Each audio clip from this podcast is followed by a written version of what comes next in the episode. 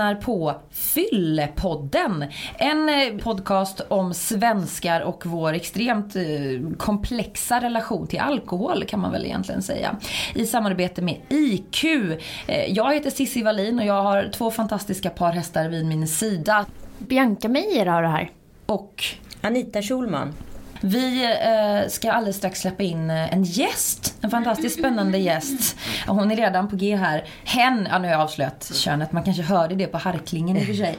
Innan vi släpper in henne så ska jag då lite odramatiskt berätta att jag är visst också gravid. Fick jag reda på idag. Nej men grattis Cissi! Ja ni visste ju det. Ni ska spela lite förvånade. Ni bara Vad tyckte du om min skådespelarteknik? Ja, jag tänkte vi ska prata väldigt kort om det innan vi släpper in den här gästen som jag ska avslöja snart. Eh, den första, för det var, ju, det var halvplanerat kan man säga. Fast det var, nej det var inte så planerat. Vi hade väl så här ökat risken så att säga för att det fanns liksom, ja nu kanske det blir så för vi slarvar lite. Men jag var ändå inte all inställd på att det skulle gå så snabbt och så enkelt om man säger att bli på smällen. Så att eh, jag var ju ute bara för Alltså, mm, ja, nu när det här sänds så har det ju gått längre tid. Men när det här spelas in så var jag ute bara för några dagar sedan och drack liksom vin och en whisky. Och känner sån extrem ångest över det just nu. Du som har två barn Anita, är, ska man ha så mycket ångest över det? Har jag, har jag dödat mitt barn? Eller lever jag uppenbarligen fortfarande? Men Nej, jag kommer, tycker... jag liksom, kommer det få en massa skador nu? Jag personligen tycker att det finns mycket skuldbeläggande med mödraskapet ändå. Så att, eh, nej, det tycker jag inte. Och det är ju väldigt, som väldigt vanligt att man kanske inte ens upptäcker att man är gravid första tiden. Så det är ju, om man inte verkligen planerar det så är det ju svårt att veta. För jag gick in på Vårdguiden idag och även eh, på Livsmedelsverket så är det så här, det här ska du, det här ska du äta och dricka det här ska du, eller det här ska du inte liksom göra. Och då stod det på båda sajterna så här Eh, många, många blir oroliga, många kvinnor känner liksom att de har sabbat någonting. Eller sabbat skrev de ju inte men det var kontenta. När de har druckit utan att veta att de var gravida. Men fokusera framåt istället. Och så nämnde de där någonting med gulsäcken. Att i början så är ju det här lilla embryot liksom frånskilt från moder, vet du, livmodern. Men ändå så är den så här den extrema ångesten man får. Fast samtidigt så här 70-talet känns det som att alla rökte och krökade när de var på smällen. Jag tycker aldrig 70-talet är en bra ursäkt för någonting. Nej, inte en ursäkt men det är, det är ett exempel på att eh, man kanske inte ska vara supernojig själv när Nej, ens, inte min mamma gjorde väl inte det hoppas jag. Hon har sagt det för att hon inte gjorde det. Men eh, jag är i och för sig född på 80-talet. Men just det här att man liksom, man hinkar i sig och så finns det barn som överlever det också. Så man kanske ska vara lite snäll mot sig själv. Jag tror man är mycket, ganska väl rustad om man klarar liksom hela transporten från penis upp i livmoder. Och också blir, och blir ett barn till sist. Men eh, jag tycker inte 70-talet är en bra referensram. Nej vi skiter i det, okej. Ska jag vara nervös nu? Ska jag vara stressad över att jag drack häromdagen? Vi har, I slutet av programmet så kommer vi ha eh, facit faktiskt. För vi har ju... Okej, så Eh, ni håller mig på någon slags... Ja, så vi, ju, ju, vi kommer eh, låta dig ha den där ångesten. Nej men gud vad hemskt. Okej, nu 35 pratar vi inte mer om det här och embryot som kanske blev alkoholskadat för några dagar sedan. Vi ska nämligen ta in eh, den här veckans gäst.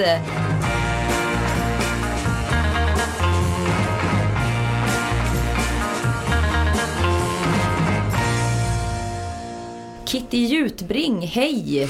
Hej och grattis nu när jag får säga det. Detsamma. Vi Ja. är ju nästan i fas. Vilken vecka är du i? Eh, går in i vecka sex idag så jag vet ju inte när det här sänds men eh, ja, då är jag kanske i fler veckor än Antagligen. så. Eller så har jag fått missfall men det hoppas vi inte. Och grattis till dig också. Ja, är verkligen. Ja, jättegrattis. Ja, men då är du eh, någon vecka efter där Ja, jag tror det. Ja. Fyra, fem. Ja, oklart. Det här vill jag ta upp med en gång bara för att det kan bli lite, eh, inte konflikt, men lite debatt här kanske. Anita är ju ganska liberal. Hon har ju druckit lite grann när hon har varit gravid. Alltså så här ett halvt glas vin. Vad tycker du om det Kitty? Jag tycker, vad jag förstår så finns det forskning som visar att det funkar att dricka ett halvt glas vin eller ett eller två eller vad det är. Eh, själv skulle jag inte göra det men jag skulle aldrig gå in och döma någon som gör det för att eh, jag tror ju att om forskningen visar att det inte kan skada så gör det inte det. Jag menar jag käkade antidepressiva när jag ammade trots att jag vet att det går över lite grann i mm, liksom, mjölken och så här. Och Man får ju hela tiden avväga vad, vad tycker jag är värt det och vad känns bra för mig och så får man gå efter det. Jag tycker att det här med att hålla på och pekpinna varandra, Mm. det tycker jag är äckligt och jobbigt och onödigt. Då skiter vi i det. Mm. Men Anita, eh, kan inte du berätta lite hur du har tänkt kring? För det, det är väldigt... Fantastiskt fin unge du har i knät. Jag bara sitter och stirrar. Förlåt att jag avbröt, men det är så vackert barn. och myser. Eh, nej, men hur jag tänkte runt det. Jag vet egentligen inte. Jag tänkte att i, jag läste på en del. Och i England får man exempelvis inte dricka kaffe och vi svenskar dricker väl ungefär åtta koppar per dag i princip. höll jag på att säga. Fast det finns ju en restriktion när man är gravid. Ja det finns Mm. det men den är väldigt, fortfarande väldigt tolerant jämfört med andra länder. Och sen så läser man statistik i, från Holland tror jag det. Då får man absolut inte dricka någonting. Man får inte äta chili och man får inte göra någonting. Chili? Ja, men allt som går över, går över i liksom barnet på ett eller annat sätt. Förlåt, det har med amning att göra. Men, men eh, eh, jag kände lite att när jag sitter och äter min torra köttbit som ska vara genomstekt på en middag på en restaurang. Nu är det inte så att jag drack varje vecka. Då kan jag faktiskt få unna mig några munnar vin. Och så gick jag in på en sajt och försökte lista ut ungefär vad, ja, vad skulle det bli? En, en halv, halv deciliter ungefär skulle vara i alkoholmängd. Och det kan inte nästan ens registreras efter en timme vad det gör i kroppen. Liksom. Så, att, Men så ändå- kände jag. Ja men det förstår jag ju och det dömer inte jag heller. Det är mer att det är så ovanligt i Frankrike då, min bild i alla fall av, nu har inte jag någon statistik på franska mödrar hur de dricker och så här eller inte. Men där tänker jag att det är mer vanligt att se en höggravid kvinna sitta och läppja lite vin. Men Hon kör liksom magen som vin... ja, vinställ. ställ. Typ en flaska under varje patte liksom. Ja. Men eh, vad fick du för reaktioner? Jag tänker det är ändå ganska provokativt att bara sitta där med en mage och sippra lite vin. Ja, det fick jag väl. Vad ska jag säga? Det är Ja. ju inte så mycket mer med det och jag förstår ju det. Och eh, är man som jag som säger sådana saker för att kanske medvetet provocera lite också. För det är ju jätte, säkert jätte, jättemånga som gör det utan att säga ett ord om det. Eh, så får man också förvänta sig att man kan få de reaktionerna. Bianca, du eh, har inga barn. Nej. Inga barn planerade. Eh, vad tänker du kring det? För jag tror alla kvinnor som vill, för du vill ha barn har du sagt till mig någon gång. Ja, ja, men någon gång absolut. Alla som vill ha barn tänker att det skulle vara kul, tänker väl också kanske lite på den att det blir inget festande. Om man är en partypingla liksom, på nio månader så drygt så blir det inte så mycket party. Vad tänker du kring det? Nej, ja, men då, får man, alltså, då tänker jag att jag får se till att jag har festat klart. Liksom. Känner ni så att ni har festat klart lite? Ja, Nej, gud. Nej. eh, jag känner det ganska mycket men det vill jag gärna utveckla också om jag Ja, du ska tillfälle. få Mm. utveckla det. Ja. Nej, men jag tycker det är en temporär paus. Men du känner lite att du, du är yngst här i gänget också Bianca, att du vill så här. nej det skulle, jag skulle kunna avstå såklart helt under en graviditet eller dricka lite som eh, Anita har gjort. Men ändå så, ja men på något sätt att du, du måste känna dig lite mer färdig med partylivet först. Är det så jag tolkar Ja, det rätt då? Eh, ja, men nu tror jag inte, jag, jag tror inte att det är det som framförallt. Utan jag tror att jag vill bli lite äldre, vara lite så här stabilare i yrk, yrkeslivet och, och sådär. Men, eh, men jag tänker på det att det är så mycket reaktioner på, på gravida som dricker och sådär. Och det har jag aldrig känt. Att, jag har aldrig känt något obehag inför att se en, en mamma dricka något glas vin eller så. Men, eh, men jag vet ju att det upprör ju verkligen. Mm. Och jag har hört det snackas om det och sådär. Kitty, ehm, du sa att du hade festat klart. Vad menar du med det? Du är ju inte så gammal. Nej men alltså, jag bodde ju många, under många år i Göteborg. Vi var ute hela tiden, vi var ett stort gäng. Det bara var liksom dricka, dricka, dricka. Och jag fattade ju inte förrän ganska långt efter hur mycket vi drack och hur ofta vi drack. Och nu när jag ser tillbaka, vissa går på antabus, andra har varit på, liksom inlagda, vissa fortsätter att dricka så här, pajar sina äktenskap, pajar sitt liv, ser ut som fan. Alltså det är verkligen så här så att jag, när jag ser tillbaka så förstår jag att jag har nog alltså varit i en riskzon under kanske flera år. Och där det var nästan som någon slags masspsykos. Och man, för att, eftersom alla drack så mycket så tyckte vi att det var normalt att dricka så mycket. Hur Och mycket, för, hur mycket är mycket liksom? Hur mycket hur ofta Ja, men att man är skitfull, eh, kanske ja, som på sommaren kanske två, tre gånger i veckan. Annars kanske en, två gånger i veckan. Och det låter Alltså- inte så himla mycket. Jag tänker på, på så studenter till exempel. Ja, men de det är ju så här, Lund, så de festar väl hårt fem Ja, gånger, fyra, fem gånger i veckan. att festa. Ja men, det, ja, men hur som helst så kan jag känna så här lite när man får distans till det och det är också folk i min eh, närhet, så här, väldigt nära närhet som har blivit alkoholister och fått verkligen ta tag i sig själva och, och så här, oj jag kan aldrig mer dricka, den grejen. Eh, Eh, nej, men jag, kan, jag kan känna nu när jag fått distans till alkoholen att det är som, ja men det här masspsykoskänslan. Jag kom på en tunnelbana en kväll, vi hade varit hos några kompisar. Och så bara, vad konstiga alla är. Och vad det luktar, vad är det som händer? Aha, det är fredag, okej klockan är åtta. Och alla bara sitter så här och är, alltså så många var så väldigt fulla samtidigt mm. på väldigt liten yta. Och så kom man in där och så Hade ni, hade ni mig, Nicky Lo med er, barnet? Ja, ja, och så tittar jag mig runt och så ser jag så här, vilka är glada här inne? En sitter och vrålar där borta, en sitter och gråter där, en oh, sitter och liksom eh, fyller, men jag vet inte, allting var bara så dekadens. Så jag kände som att är det här vi håller på med? Och det mm. är ju ändå så här, jag kan verkligen få den här känslan att det här är ju ett gift. Varför? Och vad är grejen med det? Och vad är det som är så himla viktigt? Liksom? Att det kan vara lite, jag tycker det är intressant alltid att ställa sig lite längre ifrån någonting man är så himla van vid mm. och undra. Typ, det kan vara det kan vara ordet mammakilon, det kan vara eh, hur vi, kvinnorollen, det kan vara liksom kött, det kan vara nästan vad som helst. Och bara få se det en bit bort ifrån och bara hur ser vi på detta och varför? Och vad ger det mig egentligen? Och hur skulle jag kunna förhålla mig till det annorlunda? Och hur känner mm. jag nu?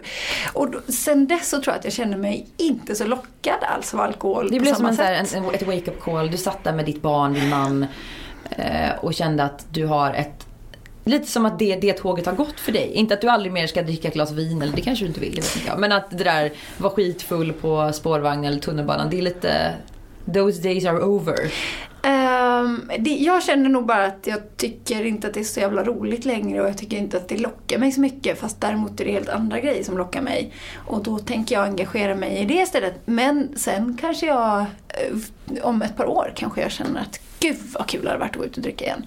Mm. Men som det är nu så känner jag mig så himla nöjd med helt andra saker. Och inte så sugen alls. Nej. Nej, men jag tycker det blir så, kan bli så svartvitt alltid så fort man pratar om alkohol. Antingen är det bu eller så är det bä. Och det finns ju väldigt, väldigt många också som har en ganska normal relation med alkohol. Ja, absolut. Eh, de flesta. Ja, och jag, jag kan ju inte bara Men Vad är en normal relation? Jag skulle vilja veta det för jag tycker att ofta det är så här wow, det är after work eller wow, nu ska vi ha drink. Jag tycker ofta att folk, att det håsas upp så mycket. Och det är inte liksom normalt enligt dig? Man säger, jag vet inte, det känns så konstigt. Ja, precis. Varför? Och jag, jag tror också faktiskt... Alltså eh, liksom jag, jag, ja, jag tror inte det går att säga heller att de flesta har, nu säger jag emot det här Cissi. Ja, det är bra. Jag, jag tror inte det går att säga att de flesta har en, en sund relation till alkohol. För att det verkar som att det är så otroligt många som är i eh, riskzonen. Men, men absolut, att det, jag gillar också att det inte behöver bli så Men diskussionen är ju också att det, visst finns det, det finns ju olika faser i livet. Alltså unga människor mellan 21 och 26 festar ju hårdast. Det är ju väldigt olika också vad, i vilka sammanhang och sociala kretsar man rör sig. Det finns ju otroligt mycket kopplingar till alltså, låt säga så här, festival-Sverige, där ingår ju liksom i konceptet att vara full i tre dagar. I alla fall när vi på den tiden vi gick på festival och när det var Hultsfred och Skilde, då var det ju liksom en, en platta öl var lika viktig som inträdesbiljetten. Ja, gud, det var ju, Men annars var det ingen festival. Jag får en känsla av, eh, lite fördomsfullt här, att det kanske har förändrats. Att det kanske inte är lika viktigt idag. Att det faktiskt kanske är mer fokus på musiken utav någon anledning. Det låter ju fint. Och det tycker jag låter ganska Men vettigt. apropå det där med, med sammanhang, så det sammanhang där där jag tänker mig att man dricker minst, eller där det är minst mm. okej okay att dricka, är väl ändå eh, när man är bland barn. Då undrar jag lite, vad, vad, tänker ni där? Tycker ni det är okej okay att ta ett glas vin om man har en middag och eh, barn är med? Uh, det måste ju, jag kan inte sitta och säga vad som är okej för någon annan. Jag vill verkligen inte vara en sån där som Men vad är okej? säga... Vad, vad, tycker du? Så här, hur går snacket mellan dig och din man hemma? Hur tänker ni? Liksom? Ja, vi kan absolut ta någon så här, vi kan tycka att det är roligt, eller han då, då tycker det är roligt att ta lite så här färsk, vad det nu vad är det man har för sånt grönt som man klipper Mynta. ner? Ja, ja, och liksom någon slags ismaskin och hålla på och greja väldigt länge för att få fram de här ultimata drinkarna i några färgglada glas och sånt. Det kan man absolut göra. Men när, kan, när barn kan, är med då? Ja, men det kan han också lika väl göra utan alkohol.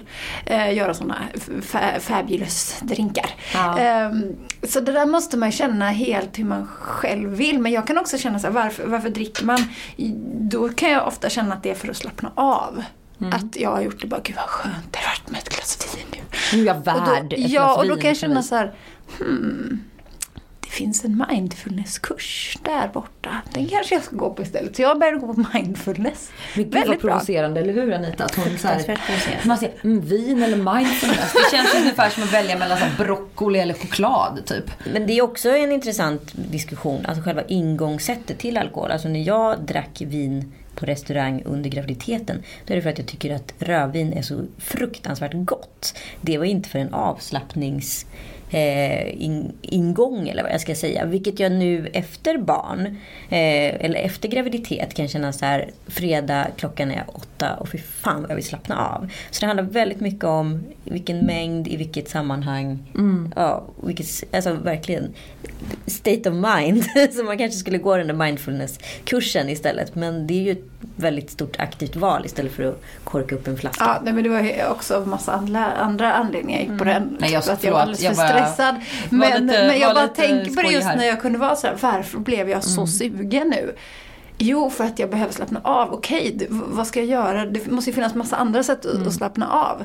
Men eh, eller så tycker man att det är helt okej att använda alkohol som en avslappning. Men hur var era föräldrar när ni var barn då? För jag kommer ihåg att mina föräldrar hade middagar och jag tyckte det var rätt kul när de drack. För att då var det så här, då hörde man skratt och skrål och mina föräldrar hade liksom inget problem. Så att för mig var det bara så här, Du tyckte inte de var läskiga när de blev, för alla blir ju lite personlighetsförändrade när de dricker. Alltså barn Nej, jag, sånt. inte alls. Alltså jag hör ju det här mycket och jag förstår att det kan vara provocerande för folk som har alkoholiserade föräldrar. Men jag tyckte alltså bara det var kul. Jag tyckte pappa är lite gladare, mamma lite eh, generösare och de vuxna vill prata med Ta mig. en upp- 20 och köp dig något fint. Eh, men eh, så att... Ja, så, så var det för mig. Men det kanske är ett eh, unikt fall. Vad hade ni för... Hur, hur hanterade era föräldrar alkohol och sådär när, när ni var barn? Mina drack de var ganska mm, liberala. Mamma är ju från Polen. Där är så här, där dricker ju, fördomarna stämmer ju. Man dricker ju liksom. Jag och min snubbe var nere i Polen för ett och ett halvt år sedan. Och han hade aldrig varit där, varit där förut. Jag tänkte så här, okej jag säger ingenting. Han får se själv liksom. Och där är det ju verkligen en hög konsumtion. De dricker mer sprit än vad vi svenskar gör. Det var, det var tjo och tjim som du säger. Men det är klart att det finns en baksida. Det var ju läskigt. Mina föräldrar blev ju inte sådana men deras kompisar kunde ju bli lite så här. Ni vet, kom och sitt i knät och så luktar de konstigt och... Ja, den är inte... jag ryser här borta. Ja, den är inte... Hur var det för dig Kitty? Eh, nej men jag, jag, nu är det så, det är så dumt att så här säga jag har läst forskning när man inte kommer ihåg överhuvudtaget var det kommer ifrån. Nej, men så det brukar jag säga. är- Någonstans, man får googla om man är Jag har läst forskning. Eh, nej men att eh, jag känner igen det här mycket att det är väldigt många barn som upplever det ganska otäckt redan när föräldrarna har druckit ganska lite. Mm. Och det minns jag att jag var sån. Att jag tyckte att det var konstigt och varför är mamma sån och varför är pappa sån? Och sen så drack de inte så ofta så att det märktes väldigt det märker jag fortfarande mamma, hon kan ta liksom ett glas vin och så märker jag bara, mamma har du druckit ett glas vin? Hon blir Ja, såhär, nej jag har inte druckit Ja, alls. nej men hon blir så, sådär fnissig och eh, liksom sådär. Så jag kan komma ihåg att jag tyckte det var obehagligt. Jag kände mig liksom lite otrygg och, och kände att jag, det är väl typiskt mig också, men att nu måste jag kanske ta ansvar för den här situationen för det är ingen annan som verkar ta ansvar. Så att jag, ja men jag gillade det inte sådär jättemycket. Nej. Ja men vad bra. Anita- fick vi höra båda sidor. Ja, Anita då, hur var det för dig? Var det mest som hos Kitty eller mest som hos mig och Nej, lite alltså- mellan Bianca och mig? Mina föräldrar är födda på tidiga 40-talet och eh, de drack inte, han hade aldrig testat alkohol innan pappa var 35. Nej! Eh, Fantastiskt så spännande. när, ja, de var jätte... De hade aldrig varit ute på krogen, de hade aldrig gjort någonting. Så att då, när jag blev tonåring då och började säga att jag skulle på krogen. För dem var det associerat med någonting som fullgubbar gjorde. Liksom. Eh, Och nej, Anita ska bli A-lagare. Ska på krogen. Ja, men de var jätteupprörda till de fattade att det var liksom ett begrepp för att gå ut och festa.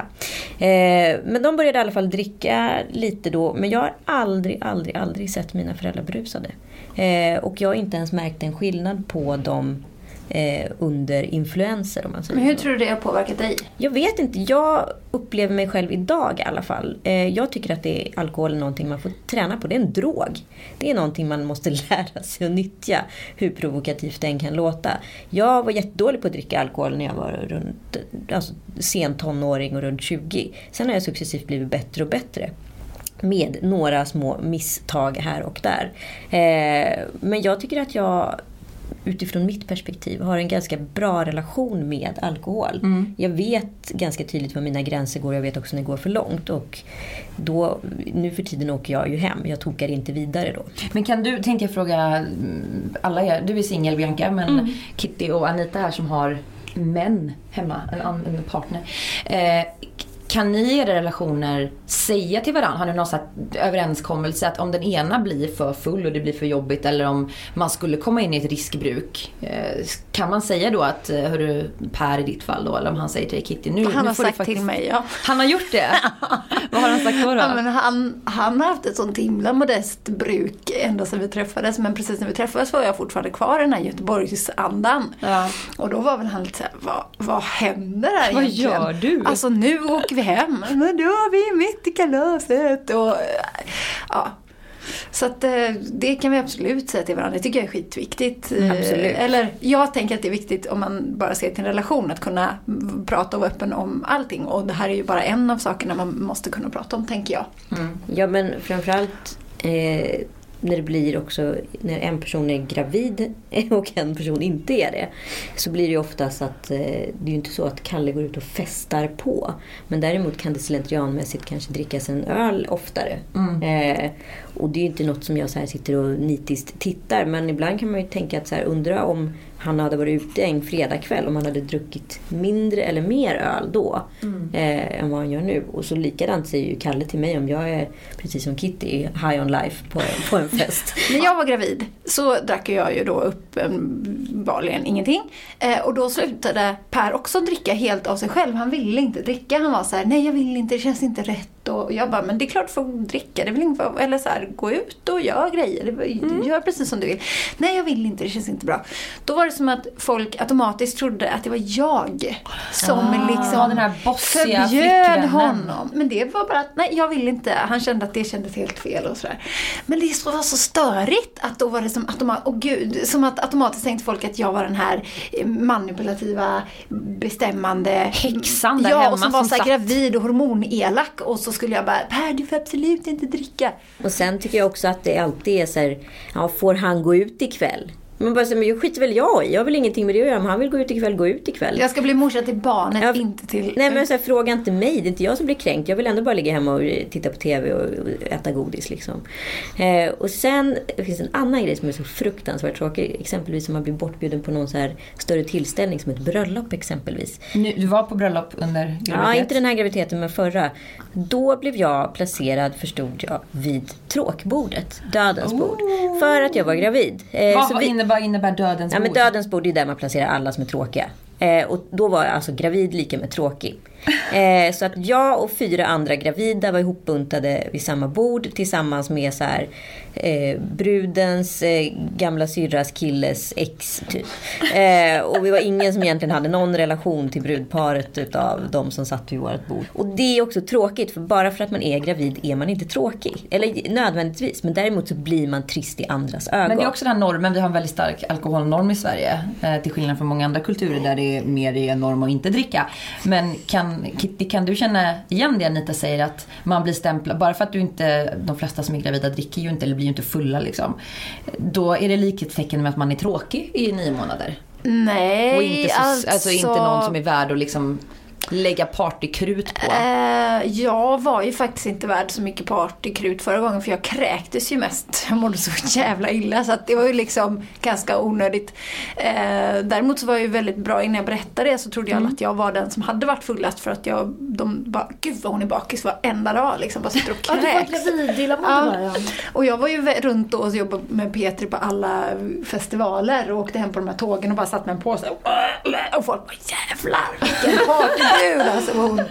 Eh, men däremot så kan jag tänka mig det här Dödens bord och så att de som dricker tycker det är väldigt obehagligt att ha en eh, som inte dricker vid sitt bord. Eller, eller så här, och, och, lite sådär som att om, om ni sitter med stora köttbitar och ska äta upp och så kommer jag som är vegan och sätter mig där bredvid och säger så har ni tänkt på att det här är levande varelser som kanske inte alls vill bli dödade? Har ni, ja, men så här, det här är faktiskt lik. Nej men förstår ni, jag menar att det är samma sak. Då tänker ni så här, henne vill inte vi va, ha här. Hon kanske har en poäng men vi vill inte bli påminna av det. Vi vill äta våran goda köttbit och dricka vårat syndiga vatten. Syndens vatten. Nej, jag vet inte. Men just att, att det blir så obekvämt med någon som kommer och ska vara så här moralisk Och någonting. även bryta mot normen. Ja, så. precis. Så ehm, det, det är därför kanske du hamnar vid det där bordet. Lång psykologisk, eh, så här, psykoanalytisk här Jag gillade process. den.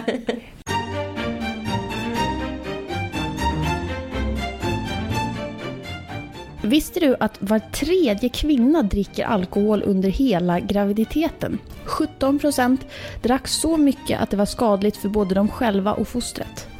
Det här enligt en undersökning gjord på 1000 anonyma kvinnor år 2014 av forskaren Åsa Magnusson.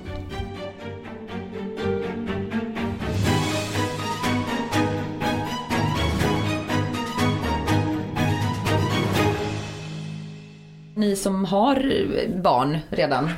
Eh, hur, de är ju ganska små allihop. Men har ni börjat fundera på hur de kommer förhålla sig till alkohol? Hur kan ni påverka? Och jag är så rädd. Så lilla Nicky Lo, tänk när hon ska så här, sminka upp sig och ha någon push-up och så. Jag vill inte det. Och då är säkert så här, kvinnor ännu värre. Eller tror ni det blir bättre? Jag tror det blir bättre. Tror du det? Ja, jag tror Eller mer medvetet kanske? Ja, jag vet inte. Jag, ja, jag tänker mycket på det och jag känner, jag tror att min, min syn på alkohol är förändrad för framtiden tror jag. Penny har förstått att mamma och pappa kan dricka vin på helger. Någonting man gör med andra vuxna. Som pratar om när hon ska bli stor och dricka vin. Och det vad känner du då? det är så plågsamt. Det är så fruktansvärt plågsamt att, så här, att man påverkar utan att märka att man gör det. Eh, vi var i Thailand och eh, en dag ertappade jag henne på hennes rum och då satt hon med en, någon av hennes här leksaksburkar och låtsades dricka ur och frågade vad hon gjorde och då sa hon att hon dricker öl som pappa gjorde i Thailand. Så att det går ju in och det finns en fascination och man förstår att alkohol är spännande. Men eh, jag tror att man måste bara ha en vettig diskussion och så hoppas jag att det blir någon trend bland unga att liksom inte kröka före 18 års ålder. Nej, men jag tänker på hur mina föräldrar var, förlåt jag måste bara, får jag passa in en grej som är så här learning by doing. Som man, man slänger mig mycket på engelska, jag har bott i USA, jag har blivit så här Victoria Silverfierad, förlåt. Eh, när jag var 17, ja gymnasiet var ju väldigt mycket fest, jag gick estet i Uddevalla och där var ju såna här svårmodiga esteter med ångest som skulle dricka rödvin eh, och fulsprit också. Och så var vi på Smögen varje skolavslutning, även på studenten. Men året innan studenten när jag var eh, 17 eller 18, jag kommer inte ihåg. 17, 18 var jag så blev jag sådär man har några sådana fyllor i bagaget, det har säkert ni också. När man har varit så full så det är så här, man, man kräks ner typ tre personer och sen till slut så lägger de en mig la de liksom med huvudet ner på bryggan med huvudet ner mot vattnet så jag bara kunde ligga och kräkas tills det liksom var slut. Och då kom min pappa och hämtade mig. Eh, och det var jag var så här, nu kommer han, nu kommer de skälla ut mig i liksom en månad. Men de var ganska schyssta mina föräldrar. För de, de hade väl förstått att eh, jag fick mitt straff ändå. Alltså vakna upp dagen efter och må som en, som Christer Pettersson kan jag tänka mig mådde under sina värsta bakfyllor. Det var ju ändå ett straff nog. Min poäng med det här är att jag är glad i efterhand att mina föräldrar inte var så förbjudande utan mer såhär, nu har du testat, nu vet att det inte var så kul. Hur tänker ni kring det? Hur liberal ska man vara när man börjar få så här tonårsbarn? Ska man ändå ge dem utegångsförbud? Jag eller? tror att förbjuder man så är det ju lätt att då blir, blir de så fulla som du Cissi men då vågar de inte komma hem, de vågar inte ringa eller Ja, men de det visste jag att jag kunde, eller det var inte jag, det var en kompis som jag, ringde, men ja. Jag tror inte heller på förbud. Utan jag tror det, ja men så här, gör det du måste göra men prata gärna om det. Så här, vi kan snacka om det och varför. Jag, jag tror på att man har en, eh, vad heter det när man pratar? Ja, men, äh, att man öppen diskussion eller upp med det på bordet åtminstone. Ja, Ja, men apropå det här med amning och alkohol så måste Oj, vi komma till ett måste väldigt vi. hett Mm. ämne. Eh, Kontroversiellt också. Ja, jag var ute första gången när Penny var eh, åtta veckor tror jag. Då var vi på Sturehof och åt middag. Eh, Var hon med då? Nej, nej, nej. Nej, nej, nej. Absolut inte. Vi hade barnvakt. Vi har försökt, så har vi löst liksom hela Penny-logistiken med alkohol. Att vi har oftast barnvakt när vi går ut och då sover hon när vi kommer hem och sen så ser hon oss. Oftast aldrig berusade. Eh, jag tror aldrig hon har gjort det faktiskt. Eh, och då kom det fram en eh, ytlig bekant och sa till mig eh, när vi satt där och hade som trevligast och jag hade gråtit i taxin, hade ångest och allting. På väg ut första gången efter första bebisen. Eh, bara, sitter du här och dricker i princip? Hur kan du göra så här? Du som ammar. Och där var den kvällen över. Och sen vet man ju, eller enligt forskning då, eller i alla fall det som står på Socialstyrelsen. Sen finns det debatterad forskning om det här med. Eh, att man faktiskt får dricka när man ammar. Eh, upp till är fyra enheter i veckan. Tror Det jag, går inte ut i mjölken? Jo, det går ut i mjölken men det är så pass lite så det genererar, genererar inte mer än en, en halv li- liter filmjölk. Men vad, kände du i den här bekant... Vad svarade du? Nej, men jag, blev, jag blev bara jätte, jättechockad och jättesårad och gick in i något så här försvarsmod och började rabbla typ statistik och bevis. För att det kändes som jag, att jag inte bara kunde vara tillfreds med att själv säga så här, men om jag vill göra det så är det okej. Vilket jag borde. Men eh, nej, det kändes inte okej. Och sen var den kvällen lite över så då åkte vi hem. Men jag, jag tycker det är så tråkigt att inte folk kan lita på att man vet hur man tar hand om sitt barn. Ja, alltså, ni kanske exakt. hade pumpat ur innan, eller ni hade ju en plan liksom, hur ni skulle lösa det här. Exakt. Eh, eller så här, nej hon får ersättning då under den här perioden. Eller, eller hur du än ville lösa det. Det finns massa sätt att lösa det på. Mm. Och då måste man våga så här, tro på varandra som bra föräldrar. Hon kunde väl lika väl gå fram till Pennys pappa tycker jag. Det tycker jag med. Och Varför är alltid killarna kommer undan i den här diskussionen? Ja, den är väldigt intressant. Upplever ni då som har barn att eh, mammorna blir, och när vi pratar om alkohol och föräldraskap, blir extra så här, skuldade? Absolut. Ja, mamman är ju den riktiga föräldern. För att det ligger i kvinnorollen att vara sådär omhändertagande och vara den som liksom håller ihop familjen, håller ordning på födelsedagarna och köper presenterna. Hela det här, ni vet. Och farsan är någon bonus, liksom, Ja, men- men jag ja. Tycker kan man high-fivea med ifall han är svinpackad och mamman kollar man på Ja, grattis till ungen. Ja. Men, men jag tycker ändå att det börjar hända lite grann. Eller så är det bara att det är Per som kämpar så mycket och verkligen försöker. Så Nej men det händer något, absolut. Ja, Men- hoppas det. Men, men, men det här med att dricka och amning. Eh, att för mig så tror jag att jag bara känner jag bara känner någon slags princip rent hur jag känner för mig själv. Och det är verkligen inte jag skulle döma någon annan för eller någonting. Jag, skulle, jag är inte den som skulle gå fram och säga något sånt där till någon annan. Absolut inte. Men för mig själv så känns det som att har jag valt att amma så avstår jag liksom helt. Eh, men skulle det vara så att det, det är verkligen inte sådär att jag tror att det hade varit farligt om jag hade druckit sådär lite grann eh, hit eller dit. Utan det är bara min egen känsla liksom. Om vi ska avrunda lite, vi kan prata hur länge som helst, det känner väl allihop tror jag. Men hur kan vi då, vi alla kvinnor, vi vill alla ha barn någon gång eller har redan barn, är på G och sådär. Hur kan vi tjejer själva, kvinnor, mammor, förändra den här bilden av att, att det som vi pratade om nyss, att kvinnor blir så himla eh, bannade och får så mycket moralkakor vad gäller alkohol. Genom att Oavsett- göra en podd! Ja men i övrigt i sin vardag, hur kan man som... Men Anita är bra exempel på det tycker jag. Ja, men jag, min personliga lilla så här kamp är ju att försöka normalisera det och vara liksom så värdig vuxen man bara kan vara. Och vad det innefattar det är ju väldigt individuellt. Men jag tänker att åtminstone inte hamna i någon typ av eh, det, så här, så här, det här är okej, det här är inte okej. Jag vägrar vara svartvitt. Det är verkligen upp till personen vad man känner och man måste vara trygg i sig själv och lita på sitt eget om, omdöme. Gör man inte det, då kanske man inte ska äventyra det. Jag för, håller verkligen med. Det är ju verkligen precis som du säger att man, litar, man måste lita på sig själv och på varandra som bra föräldrar. Och sluta hålla på och liksom döma varandra och tänka att det är nog helt annorlunda för henne men det gör inte henne till en sämre förälder än vad jag är. Ehm, Men man speglar väl hela tiden inåt. Man tror ju, det är väl lite psykos, eller psykos men den här psykos som många, framförallt mammor, nyblivna mammor hamnar, hamnar i. Eller om man har varit mamma jättelänge med många barn. Man tycker Cissi, att man vad själv... säger du nu? Är du inte ute lite på djupt vatten här? Nej men att man tycker att man Psykos. själv har... att man själv har alla svar. Ju, Alltså en eh, barnmorska sa en sån himla bra grej som jag bara brukar ta och Lär oss den här citera. grejen nu. Hon, sa, hon sa så här. Du är inte en skräddare bara för att du sytt i en knapp. Det är som att alla morsor bara, åh, jag har blivit morsa eller farsor, farsor då, jag har blivit farsa. Jag kan det här nu, jag vet precis hur det ska göras. Och då tänker man så här, det här, så här som jag sydde i min knapp, exakt så ska alla andra göra.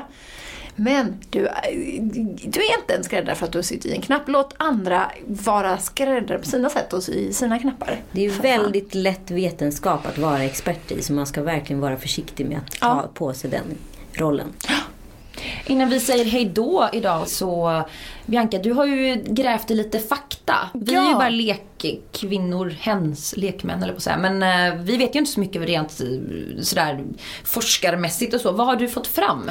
Jo, men jag tänkte att vi ska lyssna på det för att jag har träffat eh, läkaren Sven Wolin och ställt lite frågor som gäller eh, alkohol och graviditet och amning. Så jag tycker vi tar och lyssnar på det nu. Vad är det som gäller? Får man dricka lite grann när man är gravid och i så fall hur mycket? Det bör man inte göra, för det finns, det finns ingen säker nedre gräns. Så det, är man smart låter man bli, om man inte vill ta några risker. Och när påverkas barnet mest? Är det i början eller är det i slutet av graviditeten? Början mer, början och mitten. Det är olika faser så där, när, när det händer olika saker i kroppen. I början eh, händer vissa saker i, och sen så småningom när olika delar av kroppen anläggs så, så, så kan de påverkas. Så det finns faktiskt vissa såna här nyc, nyckelfaser kan man säga. När, när det kan hända någonting. Men också här, det är jättestor individuell, individuella skillnader. Att en del, en del kvinnor som har druckit jättemycket när de, när de är gravida, de får jättefina barn. Som, är helt normala. Men andra som har druckit ganska ja, lite för mycket, men inte så jättemycket för mycket. De får skadade barn. Så man vet aldrig. Tyvärr. För jag kan tänka att det kan bli problem då om man till exempel inte är medveten om man är, att man är gravid och går ut och festar sådär i början och så. Ja, ja precis. Alltså jag tycker att om man försöker bli gravid så ska man, då, då ska man kanske undvika att dricka alkohol. Det skulle jag vilja råda i alla fall. Men, men samtidigt är risken om man dricker måttligt, den är ganska liten, den är väldigt liten. Så man behöver inte bekymra sig för mycket om man har druckit lite grann. Ja, där ser man. Det var lite nya grejer man kanske inte visste, eller vad säger ni? Jag tycker, det, det som vi varit inne på lite grann, att det här med barn och amning och vad som gäller och så, det känns som att många tar det som någonting godtyckligt. Även om man går till BVC eller MVC så får man olika råd av olika inom kaninöron-experter som faktiskt jobbar med och liksom, ja men som barnsköterskor och, och barnmorskor och sådär. Så att jag blir oftast mer förvirrad ju mer jag frågar nästan. Mm. Det tror jag eh, får vara lite slutord för idag. Va- Vilken, vilken härlig så här summering. Man blir mer förvirrad desto mer man frågar. Fast det är bättre att fråga än att inte fråga. Absolut. Tack IQ! Tack för snälla att för det oss. möjligt. Och gå in på deras sajt om ni vill veta mer. Eh, IQ.se. Ja. Tack så mycket för att jag får komma hit. Tack snälla Tack, Kitty Jutbring, Bianca Meijer, eh, Anita Schulman och jag Cissi Wallin tackar också. Vi hörs nästa vecka. Lyssna vidare på Fyllepodden.